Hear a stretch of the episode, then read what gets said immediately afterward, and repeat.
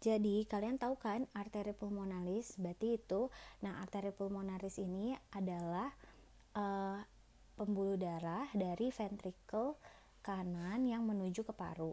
Nah, kita tahu kan kalau misalnya bagian kiri itu tekanannya lebih tinggi daripada yang bagian di kanan karena yang emang di bagian ke kanan itu uh, dia kan buat memompanya ke seluruh tubuh. Nah, kalian kebayang nggak kalau misalnya uh, ASD, VSD. Itu kan berarti karena tekanan di kiri lebih tinggi dibandingkan di kanan, otomatis darah itu kan cairan ya. Jadi dia bakalan bisa apa kalau nggak ketutup maksimal.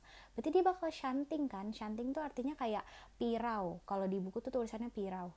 Kalau aku sih lebih mikir kayak ya shunting gitu. Jadi kayak ngebelok gitu loh. Jadi dia jadi kena ke sebelah apa darah dari kiri itu shunting ke sebelah kanannya juga karena kan yang di kiri lebih tinggi kan tekanannya.